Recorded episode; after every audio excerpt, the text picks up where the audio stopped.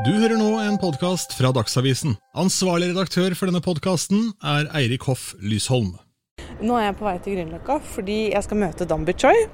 Han er redaktør i eh, Subjekt, og har etter hvert blitt en ganske kjent profil i norsk samfunnsdebatt. Spesielt i debatten om ytringsfrihet og identitetspolitikk. Og en som har vært liksom uenig med han i den, de debattene der, det er jo faktisk meg. Fordi jeg også er kommentator. Så i dag så tenkte jeg sånn at jeg og Danby kunne prøve å bli litt bedre kjent. Og jeg har litt lyst til å grave i hva det er vi egentlig er uenige om, og hva slags fordommer vi eventuelt har mot hverandre. Så vi ses der.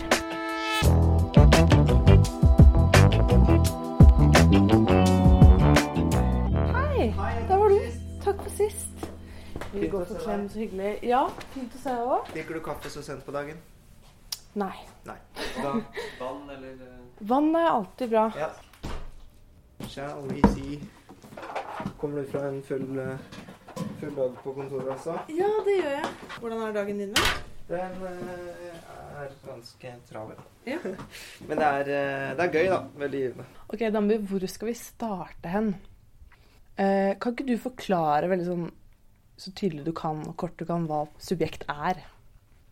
Subjekt er veldig kort forklart en kulturavis på nett. Vi er eh, i forhold til ganske mange andre kulturtidsskrifter eh, veldig unge, vi som står bak. Vi er stort sett født på 90-tallet, som eh, gjør at vi skiller oss veldig ut fra andre tidsskrifter. Og vi ønsker jo da å være det beste fra tre verdener, egentlig. Dyptpløyende som tidsskriftene. Inspirerende som magasinene og kjappe eller aktuelle som avisene. Da. Du starta, eller Førsteutgaven av Subjekt kom da du var 18, Mm. stemmer det? Så den ideen kom veldig tidlig, og så ble det på en måte noe ordentlig etter noen år. Mm. Hvordan øh, syns du det har gått? Over all forventning. Dette er veldig mye mer enn hva jeg drømte om at det noen gang skulle bli. Eh, Jeg husker at jeg en gang eh, bodde her på Løkka og eh, ønsket meg et sånt bitte lite lokale som, eh, som det på langt nær hadde vært plass til eh, alle oss i dag, her borte i gata. Eh, Og så ser jeg inn i det eh, hjørnet og tenkte at det var liksom drømmen en gang, da. Jeg, det var noen som sa til meg eh, at eh, Subjekt har fått eh, litt andre lesere enn de hadde i starten. Mm. Eh, og da lurte jeg på, for jeg leste et intervju med deg hvor du sa at uh, dere skal være liksom vaktbikkja på den venstreradikale kunst... Uh, de venstreradikale kunstnerne? Er det Nja, riktig? Nei, ikke helt, men altså um, Kunsteliten var det. Ja, veldig mange Ja, eller no, i det, akkurat i den ingressen så står det at eh, vi skal eh, bevokte eh, folk mot eh, venstreradikale, men også høyresiden får gjennomgå, står det riktignok i den eh, ingressen. Og jeg, har, jeg er litt sånn opptatt av å eh, poengtere det at vi er jo en kulturavis, og vi dekker um, kulturstoff og nødvendigvis eh, makt på kulturlivet. Og på kulturfeltet så er det veldig venstresidelent. Um, det viser også undersøkelser av også kunstnere og institusjonsledere på kunstfeltet osv. Så, så um, da er det veldig naturlig at kritiske spørsmål kommer fra den andre siden. Så når Erna Solberg er um, statsminister, eh, så stilles jo alle de kritiske spørsmålene til Sigrid Sollund i Dagsnytt 18 fra høyresiden. Eh, nei, fra venstresiden, unnskyld. Eh, og da kan man jo eh, ta dem til inntekt for å liksom representere høyresiden. Men sånn skal jo journalistikk være. Vi skal stille kritiske spørsmål, og da, da er den Hvis den er, makten er på venstresiden, så kommer spørsmålene fra høyresiden også. Mm. så det er mest sånn journalistfaglig at vi er det. Også. Og når det gjelder målgruppen, så har faktisk vi eh, 50% av leserne våre er mellom 20 og 30 år. Eh, og det er en veldig ung målgruppe, og egentlig sånn målgruppe som NRK f.eks. drømmer om. Uh, og veldig mange prøver å satse på unge, men får det ikke helt til.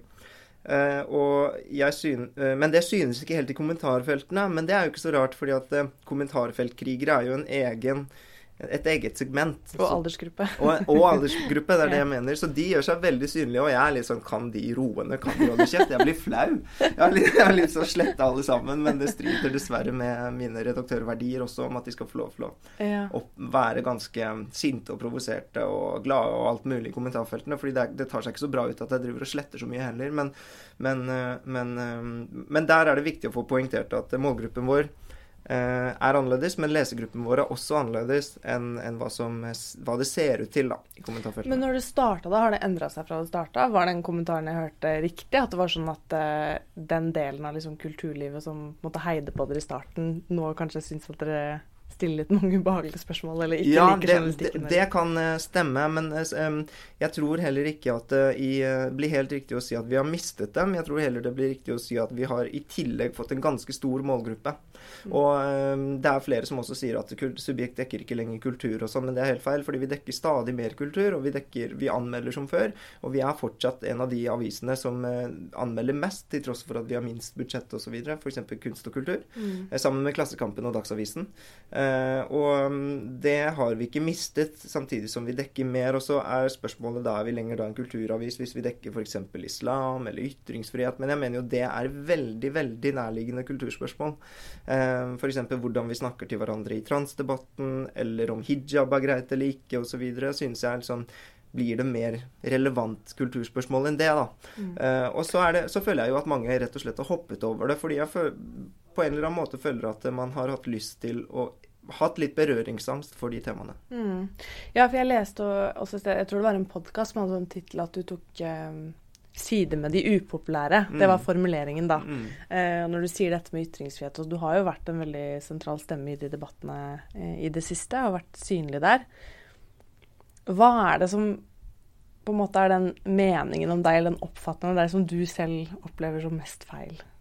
Ehm, godt spørsmål. Jeg skal ikke være så feig eller slem at Eller føle meg så urettferdig behandlet at jeg Jeg må jo være ærlig og si at det, det, det er litt selvforskyldt. men det har jeg ikke noe problem med heller, uh, fordi at eh, jeg har et engasjement for upopulære stemmer. Uh, og da blir det jo uh, sikkert mye bråk. Men, men jeg mener jo at ytringsfrihetsspørsmål alltid kommer til å handle om dem. Um, alle i det liberale sentrum, på en måte, de med ukontroversielle meninger, vil jo aldri få vekket noen ytringsfrihetsdebatt, fordi at det er så intetsigende Eller det, det beveger ingen grenser, ikke sant? Og det gnisser ikke mot noen grenser. Eh, så det er jo alltids de med kontroversielle meninger, enten på høyresiden eller venstresiden, som vil vekke disse debattene. I går så var jeg i eh, studio med NRK eh, i et program som heter Ueinig, og så satt jeg der med Resett, eh, nei, tidligere Resets eh, redaksjonssjef Lars Akerhaug, og på den andre siden satt Jamal Sheikh fra Rasisme i Norge. Og mens de pratet, så skjønte jeg bare mer og mer og mer hvor like de egentlig var, da. Eh, og, og mm, sånn og, og egentlig at det, det Resett driver med Jeg kritiserer jo woke ofte, og at Resett egentlig er ganske woke. fordi at det, når de skriver f.eks. at eh, Ikea har sluttet å kalle det julefeiring, men de kaller det nå vinterfest fordi at eh, muslimer tar over Norge, tenkte jeg sånn Wow, det er veldig woke. ikke sant, å se det. Og så gå på de detaljene, liksom. Ja, og, og de, eller de ser noen sammenhenger som egentlig ikke er der, da. Eh, som jeg mener er woke. Eller sånn sarkastisk bruk av woke. Da. Mm. At du ser problemer som ikke finnes. Mm. Eh, Hege Storhaug skrev også en gang at eh, nå, se, nå begynner Norge Nå er snikislamiseringen på en måte komplett, fordi at Vy har valgt grønn grønne tog og grønn logo. Um, og grønn var jo profeten Mohammeds favorittfarge. Så da mente jo hun at uh, snikislamiseringen hadde skjedd da, av Norge. Og det er også veldig woke standpunkt. Og så er spørsmålet liksom hva um, hva man gjør med problemer, hvor jeg mener at begge to tar liksom loven litt i egne hender, eller identifiserer folk. s- og liksom prøver å sette i gang en mobb mot den personen, da. Som også Resett gjør i kommentarfeltene. De eksponerer folk, og så mm, stiller de spørsmål eh, til kommentarfeltkrigerne sine om hva syns du om dette, og så blir det bare sånn hetsende stemning. Og det er jo det er kanselleringskultur. Og det skjer på begge sider, og det begynte jeg å reflektere veldig over i går. Mm. Interessant. Jeg har jo også blitt invitert til noen sånne woke-debatter Mm. på litt sånn andre siden av Mm. bordet enn deg, da, hvor jeg Mm. har hatt litt andre innfallsvinkler. Jeg vet ikke om du liksom har lest noe av det jeg har skrevet. jo, jo. Det føles veldig selvopptatt å spørre om. Men det jeg hadde litt lyst til at vi skulle prøve, var å si noen fordommer vi har mot hverandre, hvis vi har noen. Mm. Em, ok, så jeg husker at uh, vi eh, Du skri... um, eller du er sånn Du hadde et sånt innlegg en gang som Kjetil Rollnes reagerte på, men jeg husker ikke helt hva det gikk inn på. Nei, ikke sant? Alle må huske det. Kjetil Rollnes reagerte på det. OK. Uh, Min fordom Altså, jeg kan gi konteksten for det innlegget. Tror jeg var Jeg tror vi har vært i litt sånn um, Gått litt fram og tilbake med Kjetil Rollnes flere ganger det året. Men mm, jeg tror det var at jeg hadde skrevet en kommentar om hvordan det var å være i den debattansvarlige rollen Mm. som jeg da fikk som 23-åring, eh, og hva slags henvendelser jeg fikk, og hvordan jeg følte at jeg ble behandla, liksom, da. mm, Og at eh, Og at han da hadde skrevet noe om meg på Facebook, og at jeg hadde skrevet en skolestil eller sånn, var en Mm. del av argumentasjonen hans for at det var eh, tullete innlegg, da. Og da hadde jeg med det som et eksempel, da. Og da ble det en sånn Det var nok der det Og der er jeg nok enig med deg i at uh, den måten å skrive på er egentlig um, litt sånn um, Du prøver å stemple mer enn du argumenterer, da, når du bruker sånne ord. Eh, og, mm, og der er det nok en generasjonsforskjell òg, hvor du og jeg og i vår generasjon er litt sånn sens mer sensitive på det. På godt og vondt, da, og, og godt, egentlig, fordi at vi, vi tar dem jo egentlig på liksom det de egentlig er imot, dette med at eh, Hva heter det? Ad hominem-argumenter. At man går på person. eh, at man tar spilleren og ikke ballen. Um, som de også må Som jeg tror er et Man tar dem hvis man tar dem på det, da. Så det må man jo fortsette å poengtere. Og så um, uh, Men Men jo, fordommen, det var det du skulle til. fordommen jeg ikke, Jo, jeg har en fordom mot um, Er ikke du et par år yngre enn meg? jo, jeg er eh, 26. Hvilket år er du født? 1996. Ja, du er tre år yngre enn meg. Mm. Og uh, jeg har en fordom mot uh, um, din generasjon, som er generasjon Z. Ja. Og det er at dere er veldig woke, da. Ja. Og at, uh, um, og at eh, generasjon Z er veldig Altså, det er, det er faktisk liksom de tre årene som skiller våre, våre generasjoner, ifølge bøkene. Eller um, ja, astrologien, holdt jeg på å si. Det, hvor, i, hvor, I hvor stor grad den generasjonsforskningen stemmer. Men Mm. uh, millennial, som jeg er, uh, trodde jeg var mindre woke enn din, men jeg har nylig fått bekreftet at uh, den mest woke generasjonen er visst millennials, da. ja, OK. Og da tenkte jeg sånn eh, Det syns jeg var ganske flaut å innse. Men, eh, men det lover også godt for min sak, syns jeg. Fordi at eh, jeg vil jo at man skal komme litt over det. Over hva da? Over woke. Så dere som Åh. kommer etter meg, er litt Ja. mindre sånn Ja, det går litt bedre med oss. Det går litt bedre. Ja. Jo, men det kan jo hende Jeg var jo her på en podkast og kalte meg selv woke-dronning, Ja, tror jeg. og det syns jeg var veldig kult. Og jeg, du var jo med i um, Etikk og estetikk, som var Ja. vår podkast, og jeg syns du gjorde det veldig bra i, i den. Og da fikk jeg også avkreftet noen fordommer, tror jeg. Sånn, jeg trodde du var um, Jeg trodde du var At du var mindre rasjonell og følte mer. Såpass fordomsfull var jeg. Ja, men det er veldig morsomt. Jeg opplever noen ganger når folk hører på lyd, og når folk hører deg prate, Mm. at de på en måte plutselig liker deg bedre. Ja. Fordi når du skriver, så tolkes du gjerne inn i en eller annen kontekst, Ja. Men det, det er veldig interessant, fordi at Dia Khan, et av mine store forbilder på dokumentarfronten, norsk-pakistansk dokumentarfilmskaper og den eneste nordmannen som har vunnet to Emmyer for, for øvrig, uh, hun uh, sa noe veldig interessant som er det at uh, vi har gjennom så mange tusen år lært oss å kommunisere, og det vil si med ansiktsuttrykk, mimikk, håndbevegelser, gestikulasjon.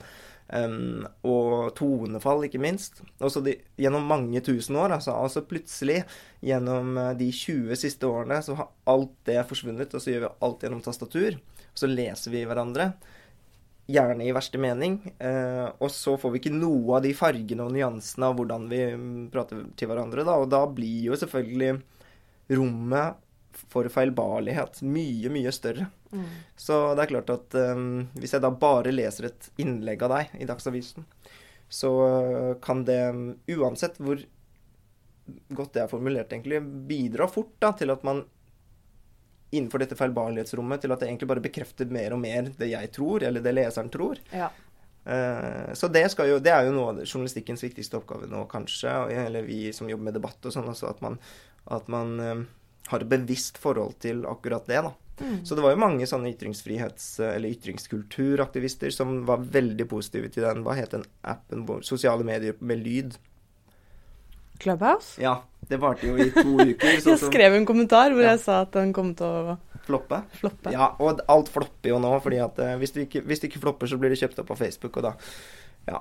Eh, men eh, det var synd det floppa, fordi at eh, det kunne jo bidratt til at vi fikk mer fargerike debatter, da. Ja, ikke sant. Det er et godt poeng.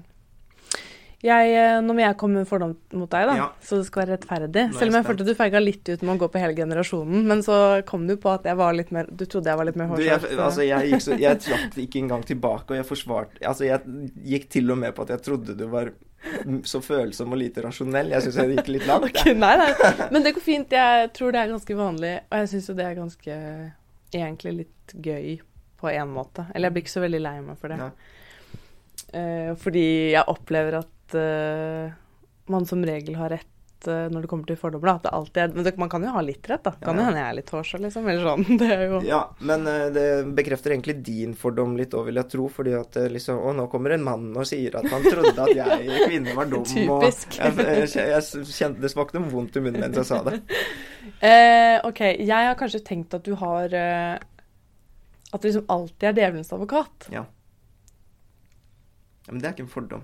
Og noen ganger så har jeg følt at det er sånn åh, gjør han det bare for å være djevelens advokat, på en måte? Ja, og eh, den møter jeg jo ofte. Men jeg er jo sånn Putt 20 kroner i meg og velg forklaring, så mener jeg likevel at jeg kan forsvare det. Og i en sånn, i en sånn djevelens advokat eh, Hvis det er premisset, så er jeg sånn Ja, hvorfor ikke? Jeg mener jo at det også er kjempeviktig. eh, I eh, kraft av å være bare det. Fordi at jeg mener at det er jo sånn Det er derfor alle vestlige og sofistikerte rettssamfunn har eh, ikke sant, eh, Hvor kriminelle har krav på advokat. Og det er jo sånn det skal være. fordi at det, eh, man skal følge noen prinsipper her i verden da, for at ting skal være rettferdig. Og at man ikke skal diskriminere, først og fremst. At noen, eh, noen får en annen dom enn en annen fordi at eh, dommeren tåler ikke trynet på fyren, liksom. Eh, sånn skal det ikke være. Man skal eh, faktisk ha de samme rettighetene, og da må man ha noen prinsipper, og da må man også ha sånne verdier, da. Så jeg, men- jeg har alltid vært tiltrukket av det. Jeg startet, liksom, det Første gangen jeg ble kontroversiell, så var det liksom til forsvar for pedofile, tror jeg jeg skrev. Oi. Og da var jo hele poenget det at eh, ingenting tyder på at de har valgt legningen sin, sånn som med homofile. Eh, jeg mener jo at eh, FRI burde ta pedofile under sin kappe, og ikke fordi at eh, overgrep er bra, men pedofili er ikke lik overgrep. Eh, det er faktisk mer sannsynlig at en eh, heterofil mann begår seksuelt overgrep enn en pedofil mann. Eh, og de må altså holde igjen sin, sine seksuelle lyster hele livet, og de kan da velge f.eks. sterilisering, som er et modig valg, men som uh, ikke blir snakket om så lenge dette er tabubelagt. Og disse ting, Det var liksom poenget i, i uh, kronikken. Men blir du svett Altså, blir du liksom nervøs? Fordi du vet vel åpenbart at dette kommer til å Selv om du stoler på dine egne argumenter, så vet man jo at ting blir tatt ut av kontekst, folk har lyst til å misforstå deg. Ja, og det brukes jo for alt det har vært. Det er liksom fortsatt sånn han som støtter pedofile. Og så det sånn Ja, men jeg gjør fortsatt det. Du bare hopper over poenget i teksten. ikke sant? Man Ja. bruker det bare for hva det har vært by assosiasjon, da. Eh, I stedet for å prøve å ta meg for det jeg sa. Så det er sånn Jeg mener at politikere tør ikke å ta disse temaene. I disse temaene er det noe jeg har lært som journalist, så er det det at eh, politikere de har egentlig gitt opp litt. fordi at eh, de de går bare inn i sak saker hvis de føler at eh, de har folk flest på sin side. Hvis ikke, hvorfor skal de gå inn i den saken og gjøre det til sin sak? Men jeg mener jo at eh, det finnes mye viktigere ting her i livet, som er liksom faktisk å forsvare de som ikke har folk flest på sin side. Og um, det er litt det som er poenget med liberale, liberaldemokratiet. At eh, selv om du er i minoritet, så skal du faktisk få lov til å ha de samme rettighetene. Du skal fortsatt få lov til å mene, du skal kritisere staten, selv om Akkurat det med eh, pedofile, det er jo veldig kort tid siden at det faktisk kom en hjelpetelefon. Mm. Eh, det sier jo litt med den berøringsangsten, Mm. eh, som også gjør at man man kan jo også faktisk forhindre overgrep ved å Mm. gi hjelp. Det er nettopp det.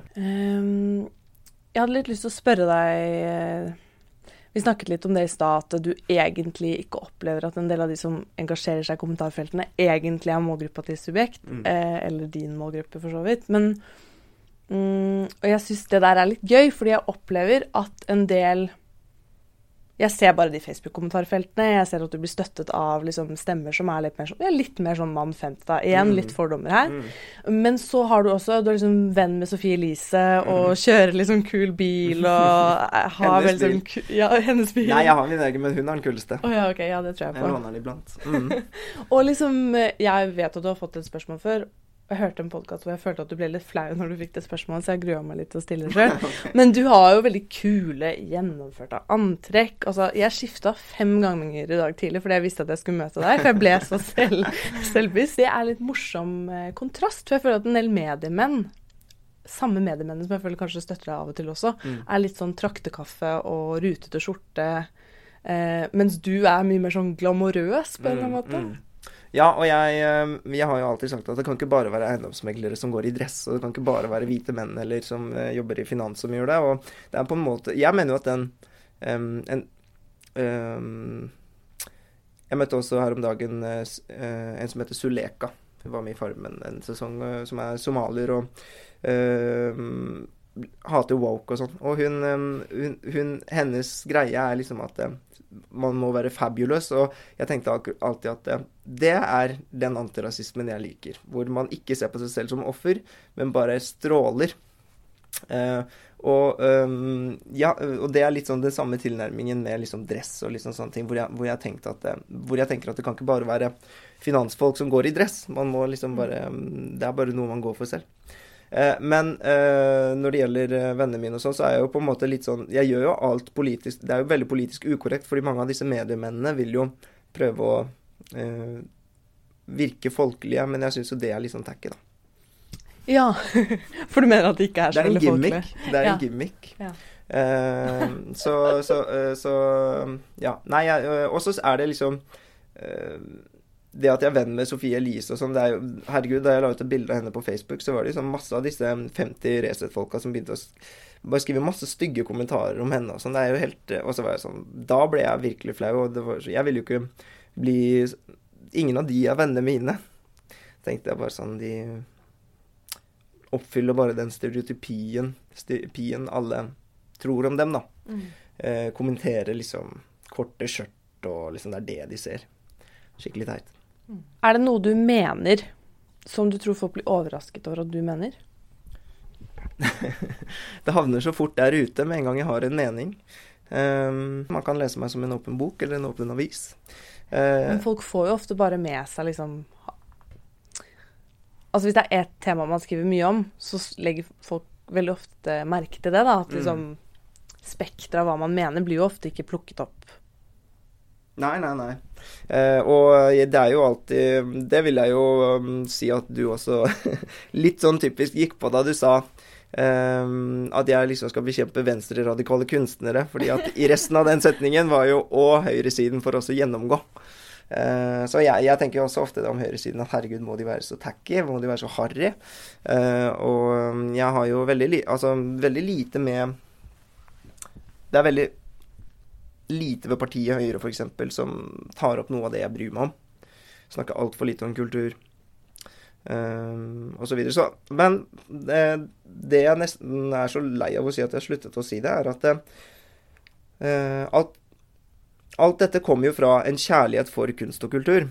Uh, så man uh, Jeg mener jo at eh, når man er glad i noe, så skal man også pirke i det og ønske å gjøre det bedre. Og da må noen direktører gå. Da må noen kunstnere kritiseres, eh, osv. Det er jo eh, hele kjernen i det prosjektet Subjekt er, så er det at eh, man eh, Ved å slutte å stille kritiske spørsmål, så gjør man kulturfeltet en bjørnetjeneste.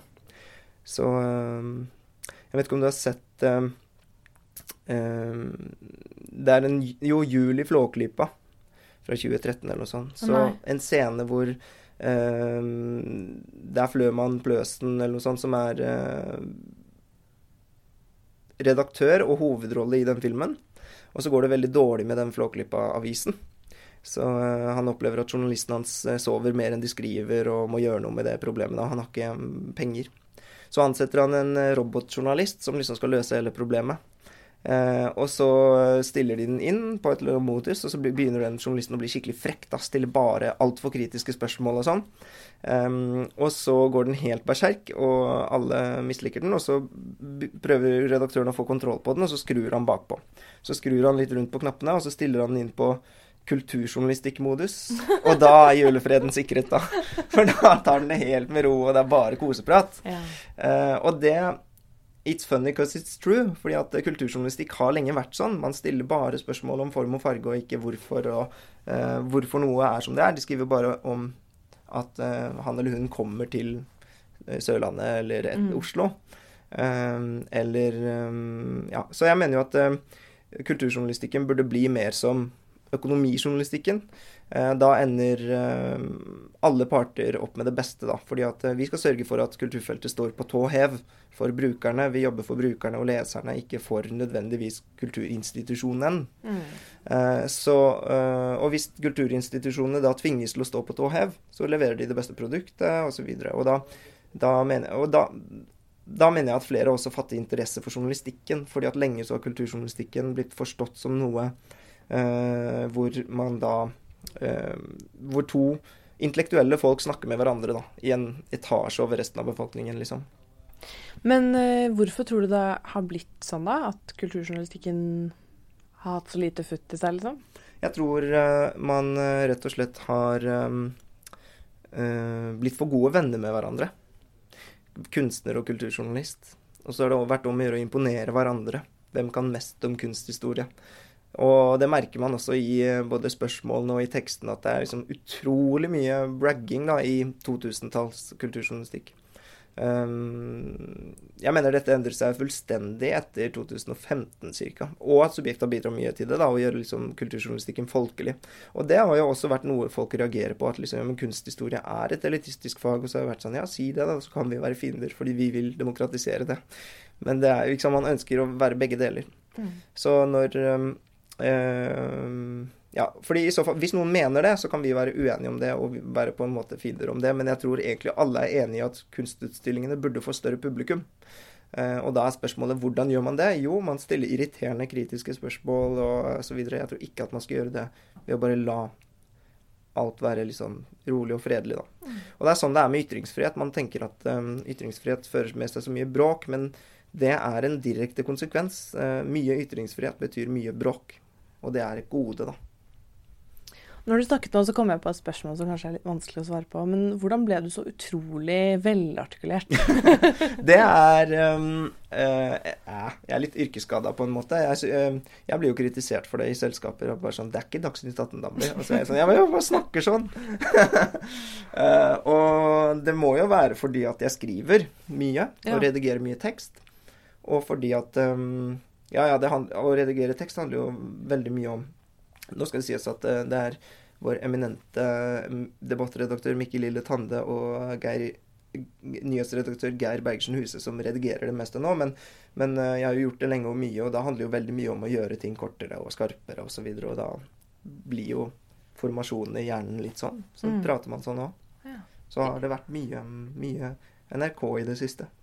Ja, Nei, altså jeg skriver mye også, men jeg sier også veldig mye liksom. Altså når jeg er på sånn jeg sier, også, altså, jeg sier også veldig mye liksom. Du gjør det? Og jeg, jeg hører på meg selv på Dagsnytt 18 og sånn, og er sånn Herregud, kan du slutte å si det? Eh, og liksom, og bli helt sånn Faller ut, helt ut av det. Da. Men eh, hvor privat er du sånn etter at du har blitt litt sånn At folk vet litt hvem du er? Er du sånn som deler om liksom, barndommen din og Jeg har ikke lest enda et sånt portrett hvor det er liksom Nei.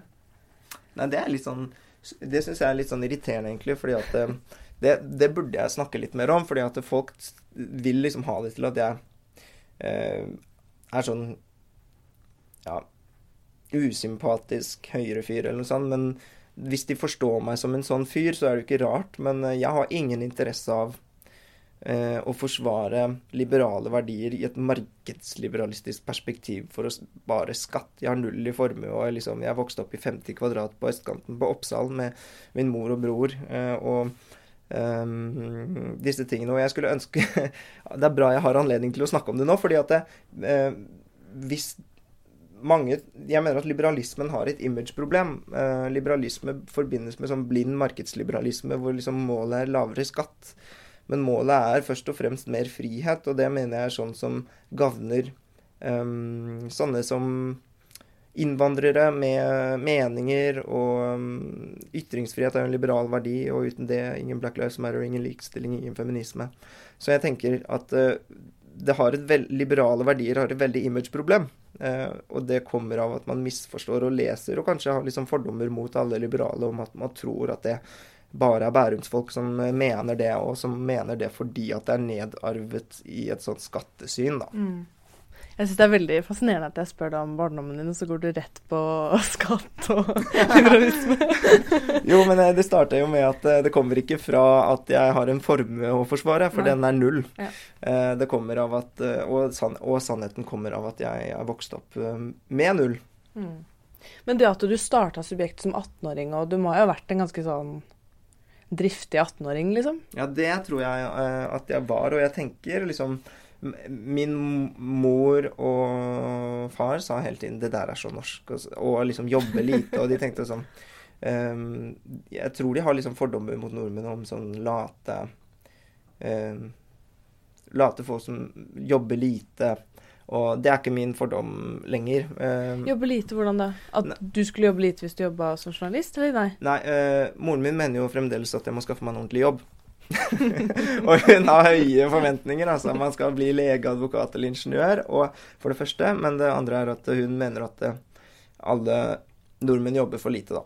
Men på godt og vondt. I Korea jobber man jo tolv timer, og folk begår selvmord fordi at de har så slitsomme jobber, liksom. Det er jo helt krise.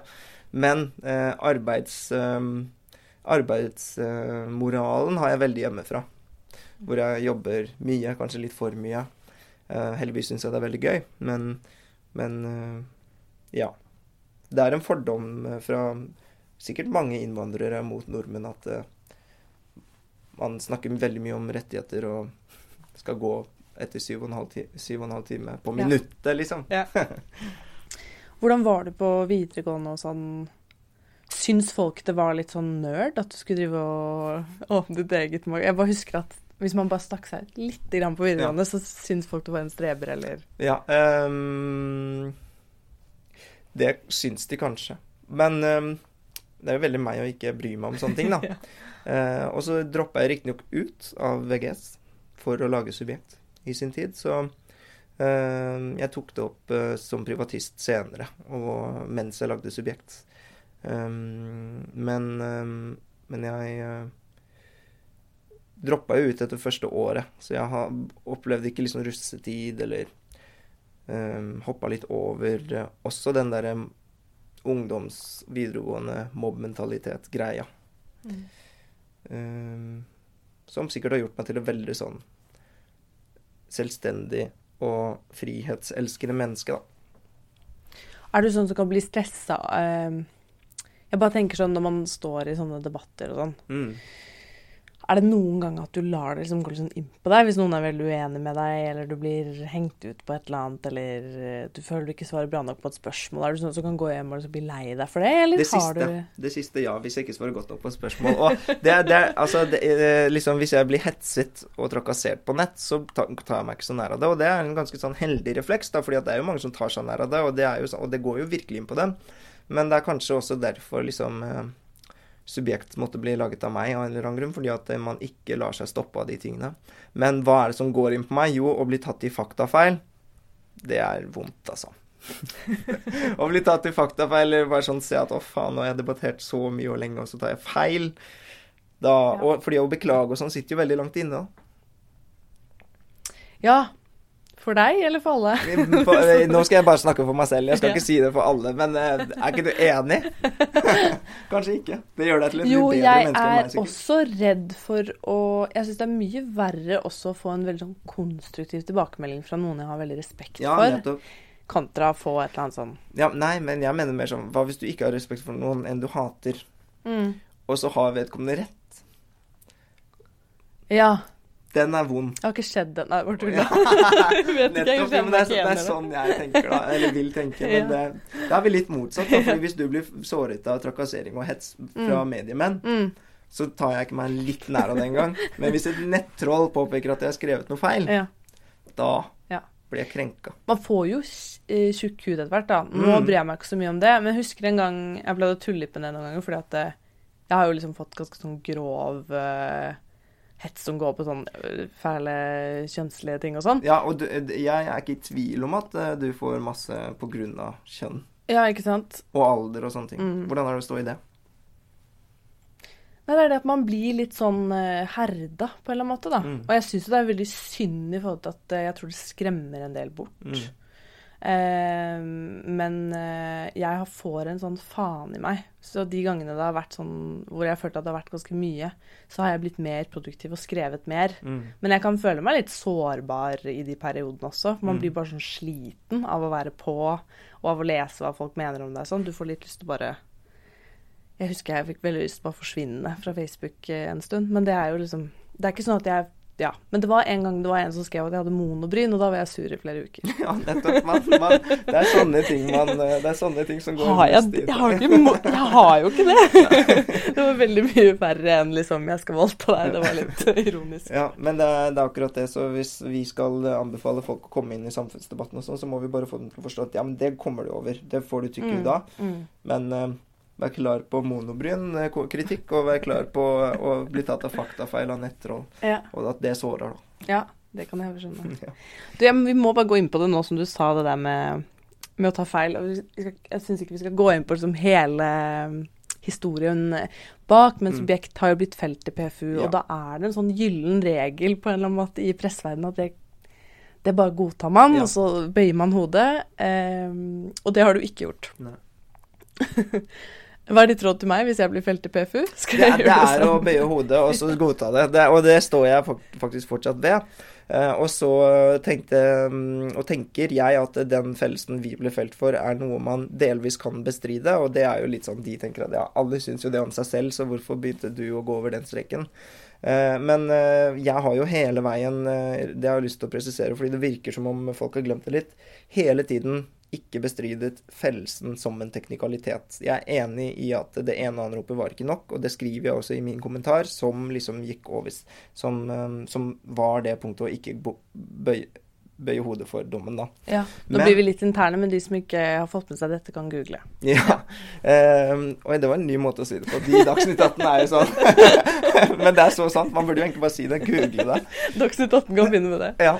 Uh, men jo, uh, man skriver jo i den uh, Jeg skriver i den kommentaren at det er en teknikalitet, greit nok, men det er noen opplysninger som offentligheten nå får vite via den eh, konklusjonen til PFU. Det er den eneste, det eneste dokumentet fra det møtet som blir offentlig. At det glemmer veldig mye av historien. Så har jeg skrevet veldig mye av historien i et, i et kommentarinnlegg, hvor jeg da dokumenterer, eller sannsynliggjør, at vi faktisk har prøvd å få denne personen i tale. eh, fordi vi ble felt for å ikke ha prøvd. Ikke sant? Um, og eh, jeg mener jo at um, vi går liksom fortsatt ut med en fellelse. eh, og det er greit, men, eh, men jeg tror nok at mange mener vi har moralen på vår side, og at det er en teknikalitet.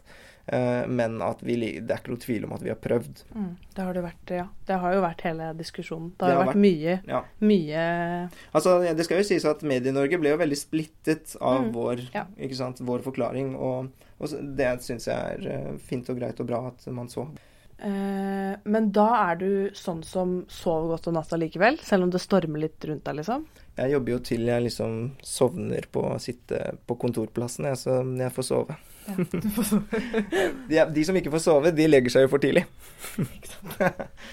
For et arbeidsjern. Ja, Ja. nei, men eh, bra, Dambi. Er det noe vi må ha sagt før vi avslutter? Nei, unge folk må stå på, heve stemmen og forberede seg på monobrynkritikk, men verre er det ikke. Det er en bra avslutning. Ja.